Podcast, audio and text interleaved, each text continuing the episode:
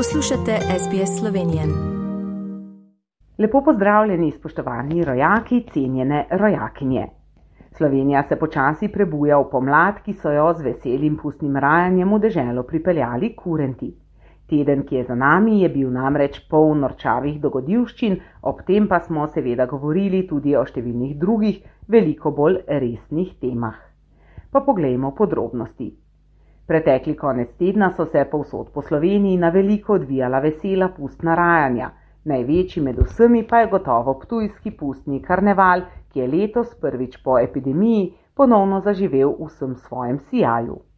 Na ulicah se je zbralo preko 800 kurentov, ki so preganjali zimo, poleg številnih drugih mask, ki so se zbirale tudi na tradicionalnih pustovanjih po drugih krajih v Sloveniji, denimo v Cirknici in Ribnici, pa še kje. Zaživeli so crkljanski laufari, botalci, soprnica Uršula, veliki požrešni zmaj in vse, kar je še tradicionalno slovenskega. Ob njih pa tudi najmodernejši avatari, risani junaki in še kdo, kot se za pusta spodobi, tudi politično in aktualno obarvane figure, ki si lahko samo za pusta privoščijo nastavljati ogledalo dogodkom iz aktualnega življenja. Rali smo torej vse do torka do polnoči, ko smo s pepelnico in znamenito slanikovo pojedino ter akcijo 40 dni brez alkohola zakoračili v postni čas. Slednji bo morda prinesel tudi kako streznitev na drugih področjih. V Sloveniji se zadnje tedne kar ne poležejo stavkovne zahteve.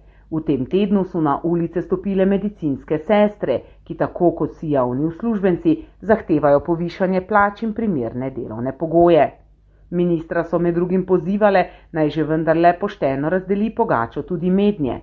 Ob tem smo v tem tednu slišali tudi, da se k stavki nagibajo tudi šolniki.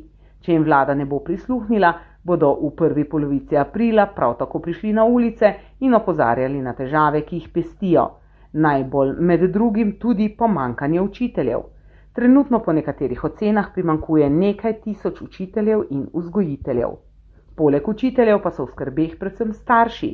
S prejemanjem občinskih proračunov je namreč že znano, da se bodo prav k malu po Sloveniji podražili vrci oskrbnine za prvo starostno obdobje tudi do 50 evrov, za vsa ostala pa je pričakovana podražitev do 15 odstotkov oziroma do 30 evrov na otroka. Ob tem so poslanci na redni mesečni seji preučevali tudi možnosti za brezplačna kosila za vse šolske otroke in mladino. Gotovo pa bo država poskrbela za socialno najšipkejše, ki imajo pravico do brezplačnega kosila in malice že zdaj. Državni zbor je v tem tednu potrdil tudi novega ministra za notranje zadeve. Gre za že znano ime, ki je funkcijo ministra za notranje zadeve že opravljalo v vladi Marjana Šarca. Boštjan Poklukar je to ime, tako je ob nastopu funkcije, pa tudi že napovedal menjave znotraj policije.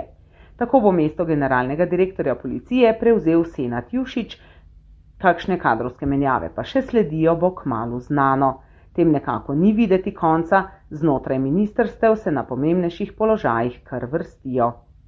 So se pa v minulem tednu mimo hodu vrstile tudi številne zastave vseh držav, ki sodelujejo na svetovnem nordijskem prvenstvu, ki se letos odvija v planici. Otvoritvena slovesnost, ki smo ji bili priča, je bila presežek vseh presežkov, spektakel glasbene, plesne, tradicionalne in moderne kulture in umetnosti najboljše vedno odmeva Lajbahova priredba znamenite Oj, Triglav, moj dom. Skupina Lajbah je takoj po otvoritvi v planici napovedala tudi koncert v Kijevu v Ukrajini. Prav danes namreč mineva leto dni od začetka vojne Rusije nad Ukrajino, zato se spominu za sodbo agresije pridružujejo po vsej Evropi in svetu. Tudi v Sloveniji od začetka vojne živi nekaj tisoč Ukrajincev, ki jim država v sodelovanju z Evropsko unijo poskuša olajšati življenje. Skrbi v Sloveniji pa so kljub vsemu usmerjene tudi v standard lastnih prebivalcev, ki se med drugim sprašujejo, kako bo z gradnjo hitre ceste oziroma sodobne prometnice med Ljubljano in Koroško in na jug proti Beli krajini. O tem bo tekla beseda tudi v prihodnjih tednih, še prej, da se zares tudi prične odprta gradbena sezona. Ob tem pa poteka tudi 17. licitacija vrednejših lesnih sortimentov.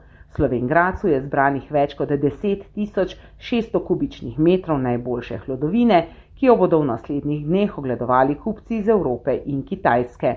Na lanski dražbi lesa so kupci za najvrednejši hlod gorskega javorja odšteli več kot 45 tisoč evrov.